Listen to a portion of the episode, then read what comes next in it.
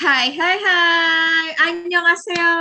Aduh, ini kenapa nyapanya pakai bahasa negara seberang ya? Oke, oke, gak sabar nih. Halo semuanya, selamat datang di podcast keempat HMTB.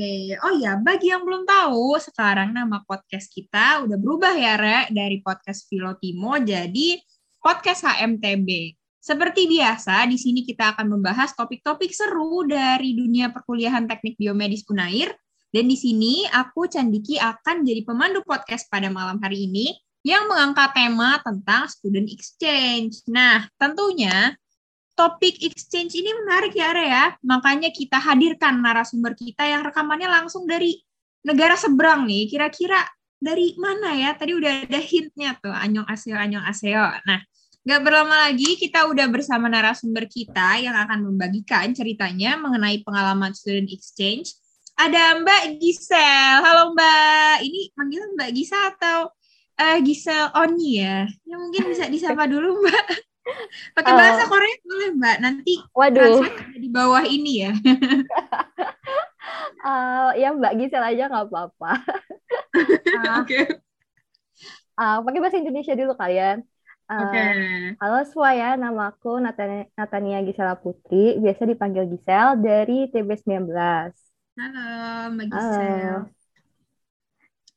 Um, ini pakai bahasa... bisa bahasa Koreanya ya. Oke. okay. Uh, okay. 안녕하세요. 저는 uh, 나타니아예요. Uh, 반갑습니다. ini dijawabnya apa ya? Hai. Oke, sebelum kita mulai bincang-bincang lebih jauh, Aku mau ngingetin bahwa topik yang akan kita bahas tidak akan menyinggung isu SARA dan suatu hal yang bersifat menyudutkan atau negatif. Dengan begitu, pendengar bisa mengambil hikmah dan pengalaman yang kemudian harapannya bisa diterapkan dalam kehidupan perkuliahan, khususnya ketika ingin melakukan exchange. Nah, sebelum beranjak ke sesi berikutnya, alangkah baiknya kita mengetahui terlebih dahulu sepak terjang dari uh, Giselle Onyi, ya, selama beliau bergelut dalam student exchange. Nah, student exchange-nya ke mana sih Mbak? Boleh diceritain sedikit dong tempat dan unifnya, terus uh, mungkin tempatnya negaranya udah aku kasih hint ya tadi, Anyong Aseo, Anyong Aseo itu. Nah, terus untuk waktunya dari kapan sampai kapan, terus ini student exchange, uh, Giselle Oni yang keberapa gitu. Boleh dong Mbak diceritain? Oke, okay. um, kalau student exchange ke mana? Aku student exchange ke Korea Selatan, tepatnya ke Chung-Ang University di kota Seoul. Hmm. Uh, lalu untuk waktunya aku ngambil yang spring semester, yaitu dari bulan Maret sampai bulan Juni di sini. Um, kemudian ini student exchange pertamaku. Oh, kalau nggak salah dulu ada ini juga ya, cutting TB yang ke Chung-Ang juga ya, Mbak? Iya, kalau uh, kebetulan kalau dari TB itu kayaknya hampir setiap angkatan ada yang kecung-ang sih. Oh iya, berarti tinggal berdoa nih 20 ya siapa penerusnya ya. Nah, iya betul. Oke, luar biasa nih. Nggak salah ya kita menghadirkan Mbak Gisel nih. Baru backgroundnya aja udah terdengar ini ya, daebak ya. Oke, kalau bahasa Koreanya keren tuh apa Mbak? Ah, iya, itu daebak. Oh, daebak bener ya. Aduh, berarti ilmu nonton drakor nih bermanfaat. Oke. Di sesi berikutnya kita udah punya nih Mbak beberapa pertanyaan dari teman-teman TB yang ingin tahu lebih dalam tentang student exchange. Nah, pertama kali kepikiran buat ikut student exchange tuh dari mana sih Mbak? Oh, oke. Okay. Pertama kali kepikirannya itu sebenarnya dari maba sih. Karena kayak waktu pas maba oh, tuh maba, oke. Okay. Kayak ngelihat kating-kating TB itu kan sebelumnya udah banyak kan ya student exchange dan banyak hmm. yang uh, di post gitu loh di IG HMTB terus kayak oh, sering TB mendunia ya uh -uh, terus kayak sering ada omongan atau rumor-rumor gitu kayak uh, si cutting A ini misalnya pernah exchange gitu ke sini. Terus kan kayak oh. ngelihat cutting-cutting gitu tuh kayak oh keren banget ya gitu. Terus jadi kayak tertarik dari sana. Hmm. Awalnya lihat cutting keren. Ternyata Mbak Gisel ada yang sekarang yang keren ya. Amin. Jadi panutan jadi panutan angkatan-angkatan bawah nih Mbak. Amin. Nah biasanya nyari-nyari info tuh dari mana Mbak? Kan Mbak Gisel tertariknya dari maba hmm, kalau aku biasa nyari info dari Instagramnya AGE sih, at Global Oh, Uner. gitu. Uh, biasanya kalau dari Instagram itu tuh suka ngepost info-info tentang student exchange apa sih yang lagi dibuka rekrutmennya gitu di Oh. uh, di Instagramnya aja. Tapi kadang juga ada yang di Mm-mm. websitenya gitu. Jadi uh, rajin-rajin aja ngecek. Oh, rajin-rajin cari info ya. Jangan Mm-mm. pasif gitu berarti ya, Mbak. Iya betul. Oh, kalau student exchange yang ini tuh ikut program atau dari perusahaan, Mbak? Uh, kalau yang aku ikutin ini uh, kebetulan dari program UNER sih. Jadi uh, kalau aku nangkapnya ini kayak mungkin program kerjasama antara UNER sama Chung Ang Mm-mm. University sendiri. Oh, oke oke. Nah, Mbak Gisel kan keponya udah dari maba nih. Hmm. Eh, terus persiapan yang perlu disiapin buat student exchange ini apa aja, Mbak? Terus prosesnya tuh gimana sih dari persiapan awal sampai berangkat? Oke, kalau untuk persiapannya ini, uh, salah satu yang paling penting itu English Mm-mm. Proficiency Test. Nah, Oke. um, kalau misalnya dari program UNER itu, um, biasanya ada program yang emang perlu pakai uh, IELTS atau TOEFL, Mhm. tapi ada Mhm. juga yang cum cuman bisa, eh, bukan cuma bisa, bisa juga kalau cuman pakai IELTP. Nah, IELTP ini Oh, gitu. um, kalian tahu kan tes Inggris yang dari UNER itu, yang di Hmm, Pusba. hmm, hmm. Nah, itu udah boleh. Dan biasanya setahu aku ada uh, minimumnya gitu, minimum um, proses, minimum Oh, skor, ya benar. Minimum skornya itu oh, berapa. oke. Uh, lalu uh, kalau untuk prosesnya itu pertama-tama pasti setelah uh, diumumin sama AGE kalau misalnya um, misalnya kayak Chung Ang University uh, Exchange itu lagi open Mhm. gitu. Nah, kita disuruh apply dulu pertama-tama ke AGE. Biasanya itu Hmm. kita disuruh ngisi G-form. Nah, di. G-formnya itu seingat aku kita diminta masukin study plan, terus transkrip Oke. nilai. Jadi ada minimum IPK-nya juga deh kalau nggak salah. Kalau nggak salah tuh Oh, minimum minimum tiga. tuh berapa, Mbak? Kalau nggak salah sih tiga ya, seingat aku. Oh, tiga. Oke. Nah, terus setelah itu kita diminta juga masukin sertifikat IELTP itu. Nah, Hmm. em, terus kemudian dari AGE itu, AGE itu bakal nyeleksi eh, orang-orang yang apply eh, secara universitas gitu. Kalau nggak salah, seingat aku juga diminta masukin eh, kegiatan organisasi apa aja yang pernah kamu lalu eh, ikutin gitu selama di UNER. Jadi Oh, mungkin berarti selain IPK harus aktif juga ya, Mbak ya? uh-uh, jadi mungkin itu juga pengaruh. Mhm. Lalu setelah Hmm, hmm. dari AGE udah memilih, biasanya itu jumlah yang kepilih tergantung sama kebijakan dari masing-masing kampus. Kalau dari eh, UNER ke Chung Ang itu karena eh, tuition fee-nya ditanggung oleh UNER, seingat aku Mhm. yang di eh, yang dilolosin itu cuman dua orang. Jadi Oh, kemarin gitu. itu yang lolos itu aku sama ada satu anak dari FEB. Nah, Ah, Lalu setelah lulus itu bakal diajuin ke Cuangnya. Lalu dari Cuangnya Mm-mm. itu yang bakal em, memberikan kita instruksi selanjutnya. Jadi instruksi selanjutnya itu kayak daftar ke Cuangnya secara online, terus em, kemudian daftar dormitory dan segala macamnya. Terus em, kalau misalnya kita udah fix keterima sama Cuang itu, biasanya bakal dikirimin semacam admission letter, kayak surat keterima Ah. gitu.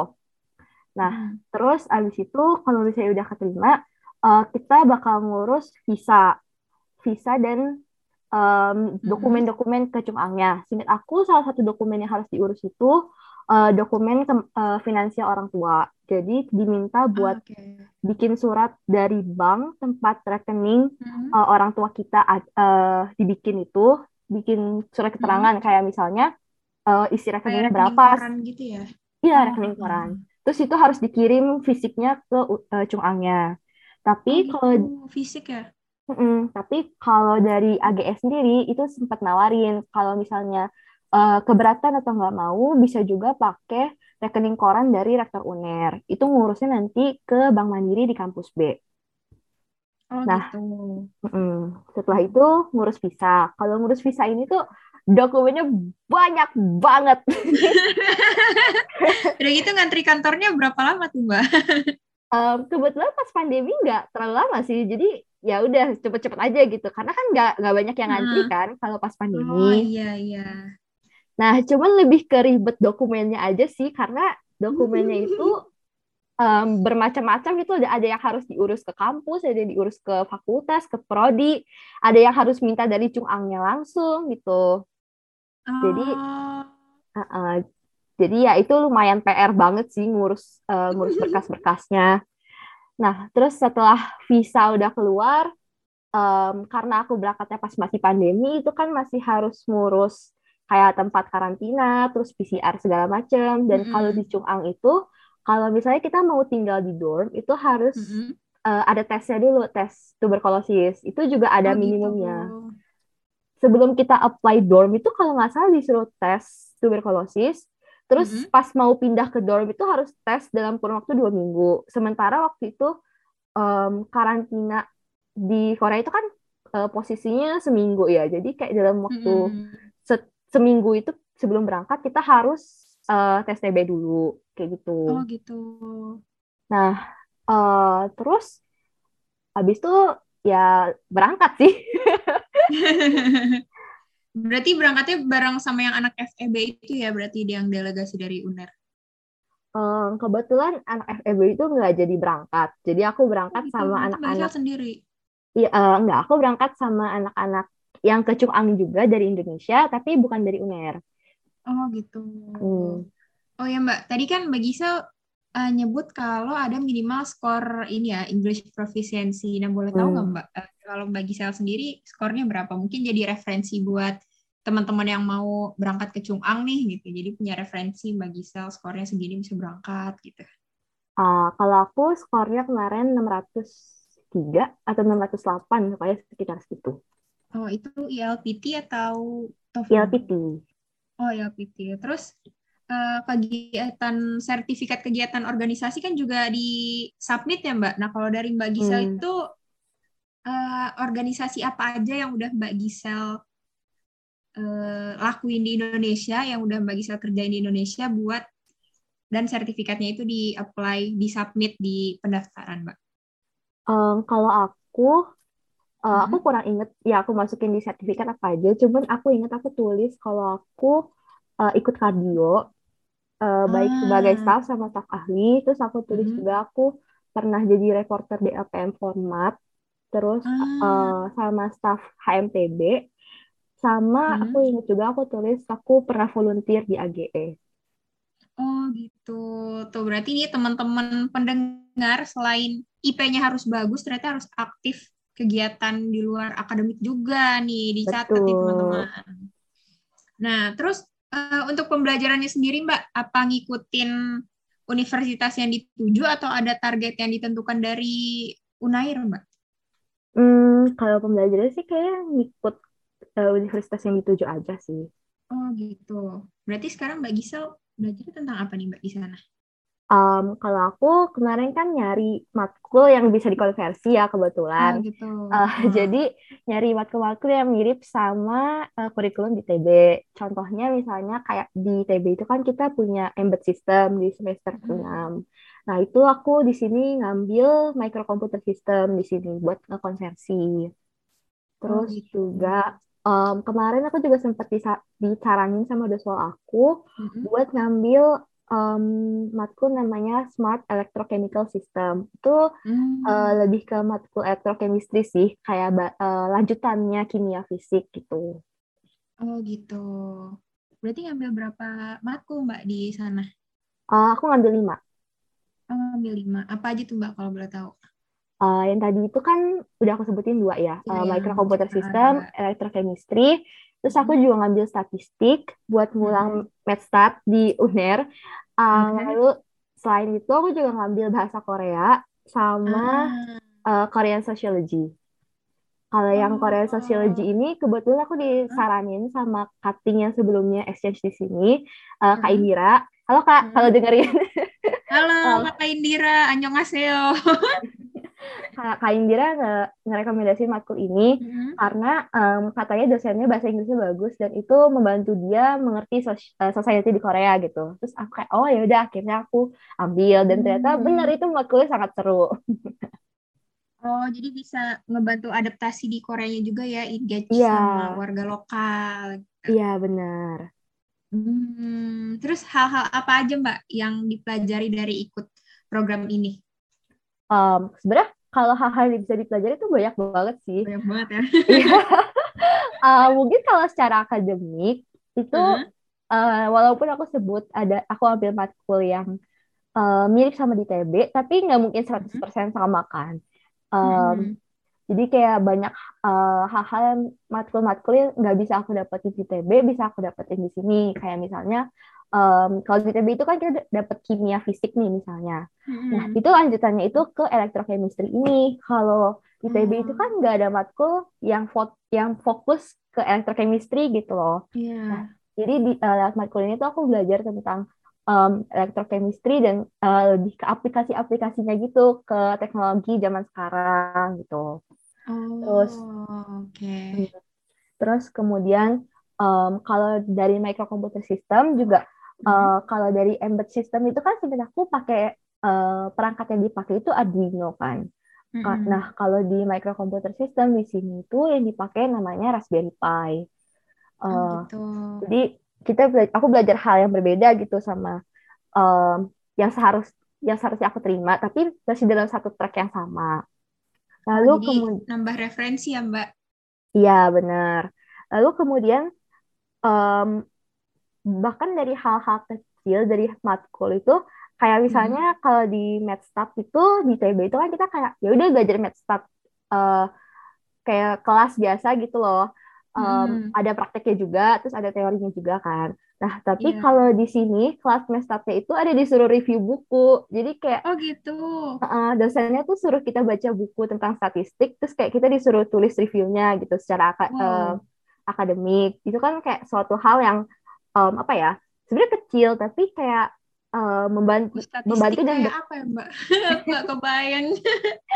uh, bukan buku ini kok, bukan buku textbook, kayak apa ya? Buku ini- ya buku non fiksi aja biasa gitu, Introduction Ah, to gitu. Statistics. Heeh. Nah, itu kan kayak hal kecil yang berguna gitu nggak sih? Uh, walaupun kecil gitu ya. jatuh-jatuhnya Hmm. kan kayak soft skill gitu. Terus juga em, kalau misalnya dari hal-hal non akademis sih mungkin lebih ke survival skill kali ya. Oh Kayak gitu. mm, kan kita jauh banget nih dari orang tua dan eh, apa ya kalau di Indonesia nih walaupun kita jauh dari orang tua kayak dari ke Surabaya kan aku merantau juga kan. Hmm, Tapi kita masih berada di lingkungan yang orang-orangnya sama Iya. gitu loh. Dan terus masih di tanah Jawa gitu ya Mbak. Iya, dan apa ya orang-orang itu masih seculture dan masih berbicara bahasa yang sama sama kita gitu. Mm-mm. Nah, kalau di sini tuh kadang eh, misalnya kayak kita eh, berada di situasi kayak sendiri gitu. Contohnya aku udah kelas ya aku foreigner sendiri nih. Terus kayak Heeh. kalau mau minta bantuan atau mau ngomong sama teman sekelas kayak mereka tuh nggak kadang nggak ngerti gitu loh, juga bingung Oh, buat gitu. komunikasinya. Nah, kita harus uh, pinter-pinter aja sih cari cara gimana cara supaya kita bisa survive di kondisi kayak gitu. Nah, terus Hmm. juga mungkin uh, salah satu soft survival skill yang aku pelajari banget dan uh, ya maksudnya kayak apa ya Hmm. didalami sama aku exchange itu lebih ke financial planning sih karena um, kalau di Surabaya itu kan makanannya termasuk murah ya menurutku. iya. Murah banget malah kan. Uh, anggap kayak di kantin itu sepuluh ribu udah dapat makan kenyang gitu. Nah, Mm-mm. Kalau di Korea sepuluh ribu tuh paling seribu seribu won lah kurang lebih. Seribu won itu Hmm. dua belas ribu. Itu cuma dapat air putih. Oh Cuma gitu. dapet- Iya. Jadi kayak hmm, gimana ya dengan uang yang kita punya kita harus bisa pinter-pinter gimana caranya hidup selama sebulan gitu. Hmm, mm-mm. Nah, Untuk eh, referensi-referensi makanannya tuh Mbak Gisa langsung explore di tempat atau ada referensi dari drakor gitu Mbak?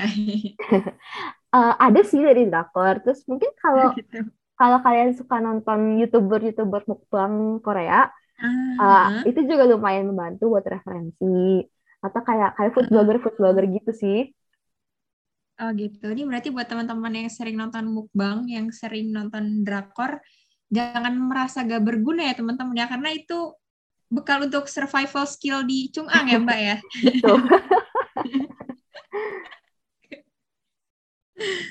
Terus, terus gimana lagi Mbak? Hmm, terus apa lagi ya yang bisa dipelajari? Oh, mungkin lebih ke social skill juga sih. Karena Ah, social skill. kalau di Chung-Ang itu anak exchange tuh banyak banget. Kayaknya sih aku Oh gitu. yang exchange spring ini tuh 200 atau 300-an orang gitu. Dan Oh iya.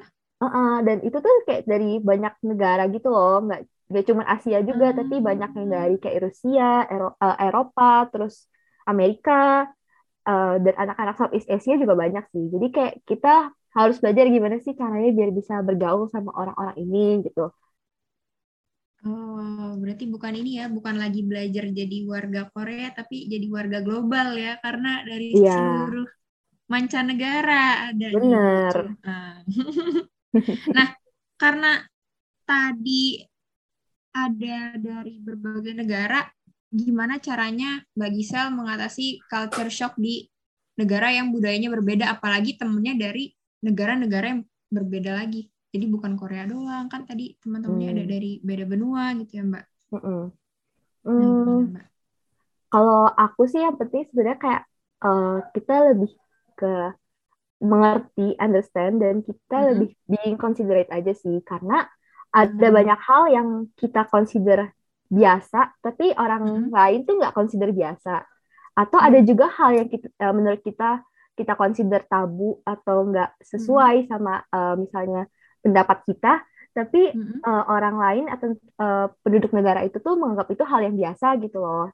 Jadi eh, mungkin Hmm. lebih ke being open minded aja sih, karena em, Mhm. apa yang selama ini kita pegang itu kan belum tentu benar, dan apa yang orang lain pegang juga belum tentu benar gitu. Jadi kayak kita Ah, harus gitu.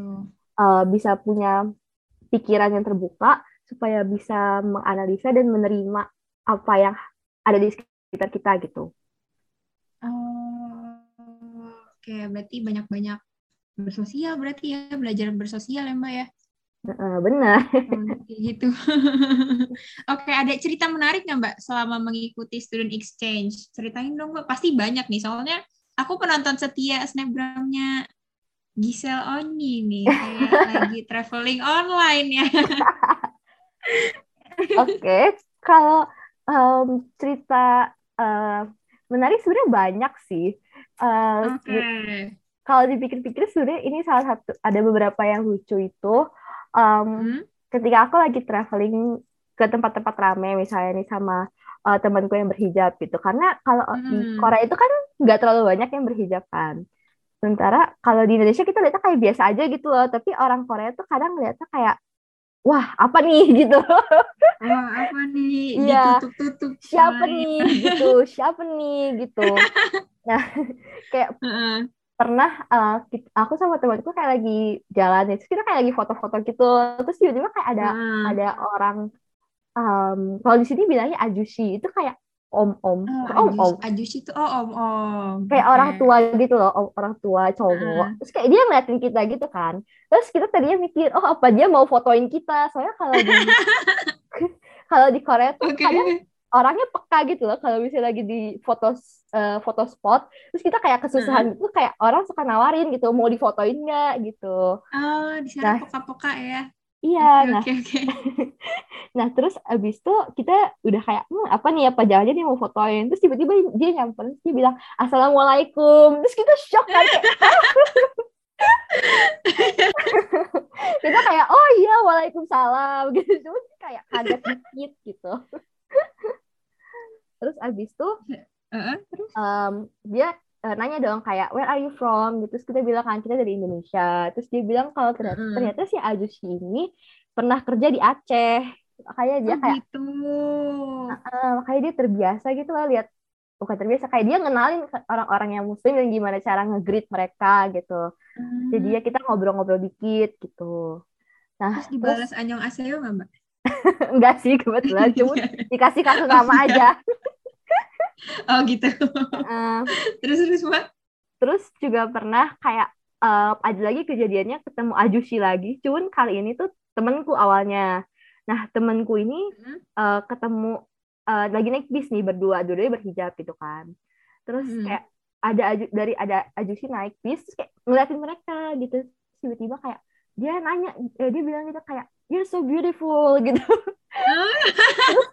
kayak dia nanya-nanya gitu tentang Islam gitu. terus um, pas temanku ini lagi pergi sama aku kita ketemu lagi sama Hmm. Ajus ini yang muji ini terus kayak dia uh, nanya-nanya gitu lagi tentang Islam dia nanya gitu ke aku Uh, kan aku nggak pakai kerudung ya terus kayak dia nanya Hmm. gitu "Uh, kenapa kamu nggak pakai kerudung aku bilang kan I'm not Muslim jadi kayak aku nggak harus kayak Hmm. gitu dia kayak Hmm. oh gitu nah terus yang lucu juga nih waktu pas uh, aku pergi sama teman-temanku juga yang berkerudung kita kayak lagi Hmm. di Hongdae nah Hongdae itu Hmm. tuh bener-bener daerah mainnya kayak semua anak kuliahan di, Seoul gitu pasti mereka ke ke Hongdae gitu apalagi kalau misalnya malam Oh, minggu anak gaul, anak gaul Seoul pasti ke Hongdae gitu. ya mungkin kayak Senopati mungkin ya atau Pik di, di Jakarta kayak gitu. Ha. Nah terus kayak mereka eh, lagi di toko baju nih lagi lihat baju terus tiba-tiba kayak Hmm. ada orang nyamperin gitu.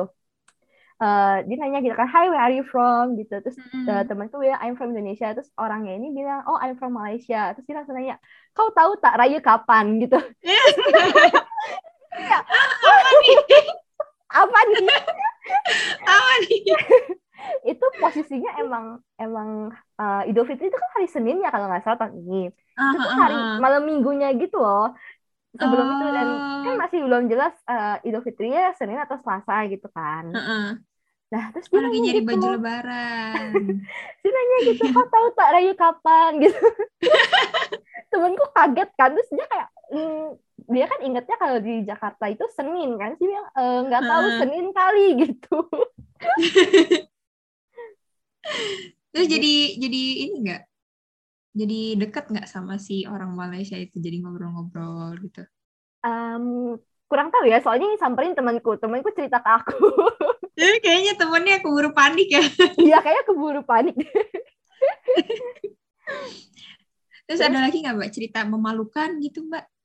Em, kalau memalukan itu lebih sering kayak kayak misalnya eh, lagi jalan gitu kan kadang suka di- Mm-mm. atau misalnya lagi eh, di restoran gitu Mm-mm. misalnya eh, diajak ngomong gitu misalnya main jual atau sama Hmm. orang-orang nawarin produk gitu pakai bahasa Korea mereka udah ngomong panjang gitu kan kita nggak ngerti ya terus kayak Iya. kayak ngerasa bersalah gitu mereka udah ngomong panjang gitu terus kayak kita cuma bisa eh justru Hanguk Mama Teo gitu Aduh Artinya, apa tuh maaf, artinya mbak? maaf eh, aku nggak bisa bahasa Korea gitu Oh gitu. terus kayak oh just, oh itu kayak oh gencar ya gitu nggak apa-apa gitu terus kayak ya udah akhirnya pergi gitu Pernah di ini nggak mbak? Ditegur war- warga lokal gitu atau beda kebiasaan? oh kalau ditegur warga lokal sih eh, pernah ya kebetulan Pernah. Eh, sebenarnya kejadiannya gara-gara aku sama temanku tuh ngobrol di subway Oh gitu. Eh, kalau di subway Korea generally emang biasanya itu eh, nggak boleh berisik bahkan kadang tuh nggak boleh angkat telepon nah Oh cuman gitu. karena aku sering naik kereta subway ke Hongdae nah kalau di Oh, Hongdae itu tempat anak gaul itu ya? iya tempat anak gaul itu eh, biasa kalau subway dari ke Hongdae atau ke Hongdae itu berisik banget karena semua anak Korea, eh, semua anak muda pergi sama teman-temannya ngegosip gitu loh Oh anak tongkrongan tuh ya? Heeh, terus habis itu jadi kayak oh kirain udah nggak apa-apa gitu loh jadi aku sama Hmm. temanku ngobrol lah di hong eh, di subway terus tiba-tiba kayak ada aju eh, ada tante-tante atau ajuma Hmm. biasa disebut itu Hmm. kayaknya dia lagi mau tidur kan dia kayak udah Hmm. merem dengerin aku sama temanku ngobrol dia kayak kayak ngomel gitu loh terus kayak bilang kayak jangan berisik gitu intinya terus kita kayak oh iya iya terus kita pindah Pernah ke Sasar nggak Mbak selama di sana? Berarti selama ini Ah. naik transportasi umum terus ya? Iya. Nah, kalau kesasar itu sebenarnya eh, kalau di Korea itu sebenarnya sistem mapnya tuh udah bagus sih karena dia tuh pakai Naver Oh, kan Naver gitu. Map. Jadi dia kalau di sini nggak boleh Hmm. nggak boleh pakai Google Maps guys karena em, orang Korea itu biasa dia nggak ngasih database mereka ke orang luar. Jadi mereka bikin Oh, sistem map gitu. sendiri namanya Naver Maps. Nah, eh sebenarnya udah jelas gitu loh disebutin eh, kalau naik mau naik kereta apa, terus ke arah mana, terus berapa Mm-mm. menit, sampai harga harga di maninya juga ada gitu. Oh gitu, lengkap ya? Iya, nah cuman aku sama temanku kadang suka ngawur kan, "Ah, udah percaya diri nih. Gue ngide aja nih. Iya, ah, gue tadi udah, udah sering kok kita ke sini gitu.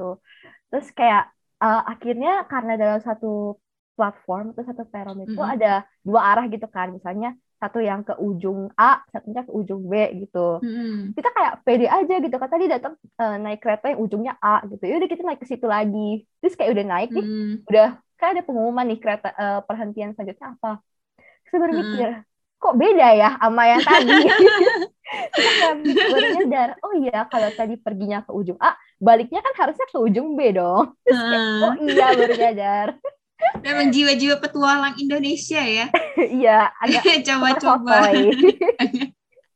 Kayak sotak-sotak dikit iya Tapi jadi jadi cerita seru nanti kan pas balik ke Indonesia. iya bener Terus ada lagi nggak Mbak cerita-cerita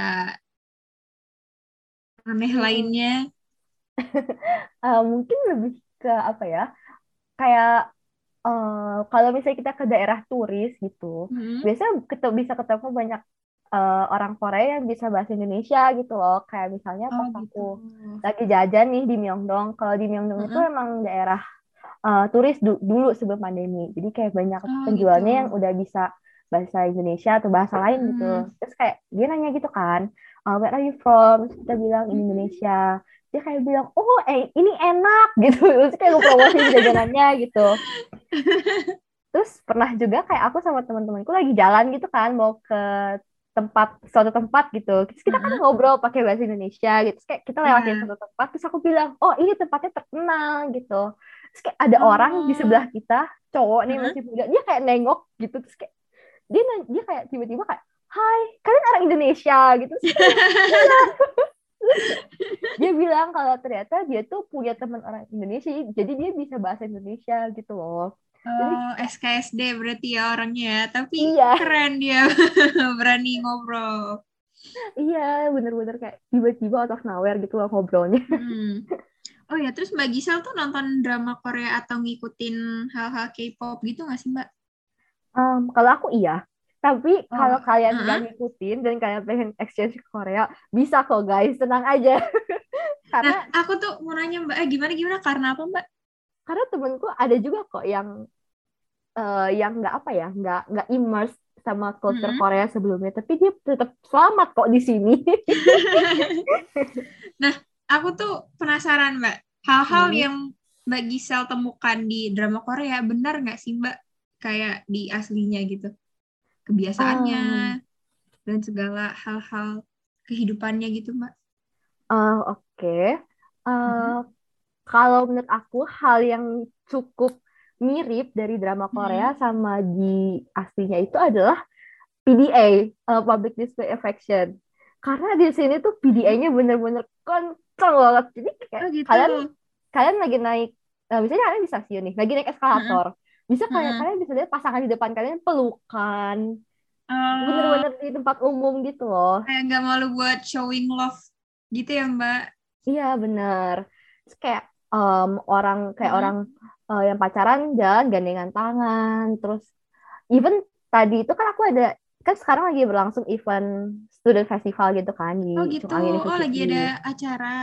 Ah, terus tadi tuh ada acara nobar gitu loh. Mm-mm. Nah, Yang nobar tuh kayak 60% tuh orang pacaran gitu. Mereka Aduh merasa merasa iri nggak Mbak? ya lumayan sih. Mereka pacaran udah pada hujan-hujanan kan, sepayung berdua. Terus peluk-pelukan kan dingin tuh ya, peluk-pelukan di bawah payung sambil nonton lalalen gitu. Mbak Gisel memeluk apa? Memeluk angan-angan ya? ya kebetulan iman aja sih. Memeluk iman. Ringan. Berpayung takwa gitu ya? Iya, terus um, apa ya? eh, mungkin itu sih yang bener-bener kelihatan banget. Oh, gitu. Terus, Kalau yang beda menurutku itu, Mhm. dan ini lumayan lumayan shocking sih buat aku awalnya, karena kalau di drakor itu kita lihat jalan jalanan di Korea tuh landai gitu kan. Mm-mm. Even di Surabaya tuh kita lihat jalanan tuh landai ya udah lurus aja gitu. Mm-mm. Nah, Kalau di Seoul tuh enggak, di Seoul itu banyak tempat yang berdiri di atas gunung, literally gunung Oh, atau gitu. bukit gitu loh. Nah, contohnya nih di Chung'ang, Chung'ang Mhm. itu kampusnya di gunung guys. Jadi Oh, gitu. jadi anak gunung ya? Anak... jadi kalau dari front gate uh, atau gerbang depan itu tuh bagian paling Mhm. bawahnya gunungnya. Terus Mhm. back gate atau gerbang belakang itu bagian puncak gunungnya. Oh Nah. gitu, jadi anak gunung ya berarti ya ke Gisel ya. Jadi kalau kita jalan nih dari front gate ke back gate itu agak Mhm. challenging. Agak ber- sekalian olahraga pagi itu ya, Mbak ya. Iya, lumayan. Nah, terus ini eh, untuk portrayalnya tuh kayak misalnya nih, jadi di Cukang itu ada tiga gerbang. Ada gerbang Mm-mm. depan, tengah, sama belakang. Nah, di Mm-mm. gerbang tengah ini ada satu gedung. Nah, gedungnya itu nomornya, eh bentar aku mikir dulu. Oh, 303. Nah, gedung 303 ini kalau da- kita masuk dari daerah gerbang tengah, itu gedungnya tuh di lantai B1. Nah, tapi kalau kita Mm-mm. mau ke eh, masuk gedung itu dari dari back gate atau dari gerbang belakang, itu tuh kita Mm-mm. masuknya dari lantai 6. Oh Jadi- gitu. Jadi kalau kita jalan dari gerbang tengah ke gerbang belakang, itu kita udah melalui tujuh tingkat gedung tuh. Butuh Kan effort lumayan. ya. Iya, Mungkin teman-teman yang mau exchange ke Chung'ang bisa dimulai eh, latihan fisik dari sekarang ya. bukan latihan fisik sih, lebih ke arah siap-siap jalan kaki, banyak jalan kaki dan banyak eh, banyak jalan kaki nanjak gitu loh. Karena kan kalau di Indo tuh kita bener-bener bergantung sama Gojek, Grab, Ah, iya. motoran gitu kan. Nah, kalau di Mm-mm. sini kan kita harus naik bis atau naik subway. Nah, itu kan harus jalan kaki ya karena di sini nggak ada tuh Gojek, eh, Grab itu nggak Oh. ada. Paling ada taksi, namanya Kakao Taksi. Cuman ya Mm. ya gimana ya pas semurah-murahnya naik taksi pasti tetap lebih murah naik bis atau subway kan. Jadi ya harus banyak-banyakin belajar jalan sebelum exchange ke Korea gitu. Biar nggak kaget. Oke, ini banyak banget nih pengalaman menariknya ya. Dari setelah banyak pengalaman menarik yang udah Kak Gisel alami di sana, ada nggak Mbak kira-kira keinginan buat exchange lagi setelah ini? Hmm, kalau exchange lagi mungkin aku mau, tapi Hmm. kayaknya aku Mhm. nggak bakal ngambilnya satu semester karena kan udah satu semester nih aku cuti di UNER. Oh, oke. oh ya kalau kita exchange tuh kita ngambil cuti di UNER BTW. Oh gitu. Oh ya itu gimana sih Mbak sistemnya Mbak? Em, sistemnya ya itu sih kita ngajuin ke eh, bagian keuangan atau akademik aku lupa dari fakultas kita bilang kalau kita mau exchange jadi kita eh, cuti dan kita nggak bayar UKT selama satu semester ini gitu. Oh gitu. Oke oke. Nah, Nah, terus ada nggak? Mm-mm, gimana Mbak? jadi karena aku udah cuti satu semester, jadi aku rasa kalau aku exchange lagi, mendingan aku ambil yang periode pendek aja gitu, yang satu bulan atau yang summer school aja gitu. Gitu. Oh oke. Yang kayak course-course gitu ya? Iya. Nah, terus ada nggak Mbak pesan buat teman-teman TB buat yang mau ikut student exchange? Hmm, pesannya mungkin em, coba aja dulu.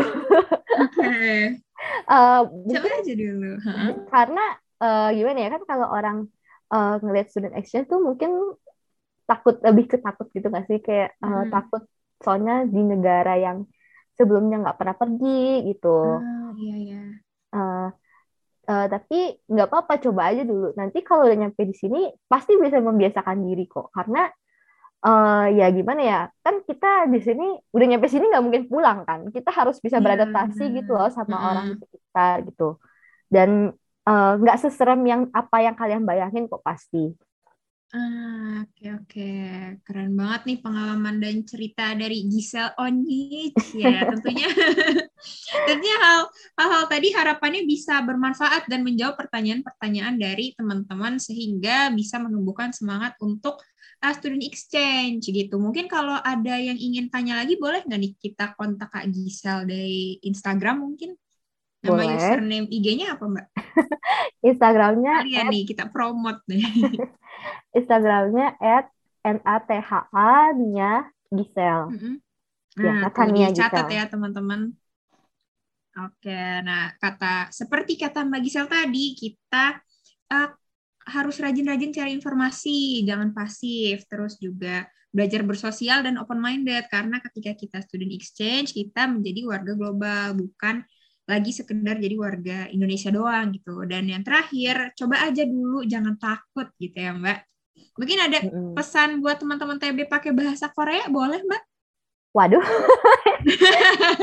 apa ya? Whiting aja mungkin fighting. Oh iya, whiting, whiting. Oke, nggak kerasa nih saking asiknya kita ngobrol podcast malam ini ternyata kita udah di penghujung sesi nih Mbak. Aku ucapkan terima kasih buat teman-teman para pendengar. Oh ya, terima kasih bahasa Koreanya apa ya Mbak? Um, kalau informal kamsahamnida. Oke. Kalau informal gue mau. Oke, gue mau. Oke deh, gue mau nih kepada Giselle Oni, Cia yang udah memberikan kesempatan kita untuk dengar cerita, pengalaman, terus juga ngasih energi baru untuk lebih semangat lagi nih buat studi exchange dan juga terima kasih buat meluangkan waktu Eh, karena kita terpaut berapa jam Mbak Indonesia Korea? Eh, dua jam. Oke, dua jam berarti sekarang eh Mbak Giselle di jam 9, setengah 10. Mm-mm. Oke, berarti udah waktu-waktunya istirahat ya atau mau keluar jalan-jalan lagi nih, Mbak? Waduh. Enggak kok, enggak. Udah istirahat. Oke, kalau gitu eh, terima kasih sekali lagi Mbak Gisel, selamat istirahat. Oke, aku Candiki dan kami selaku tim dan narasumber memohon maaf apabila ada perkataan yang dianggap menyinggung dan pertanyaan yang belum terjawab. Tenang aja teman-teman nanti bisa tanya ke Instagramnya Mbak Gisel tadi ya udah disebutin uh, username-nya. Oke, selamat malam dan sampai ketemu lagi dengan podcast-podcast kita yang gak kalah menarik selanjutnya. Sampai ketemu lagi teman-teman. Bye-bye. Sampai ketemu lagi.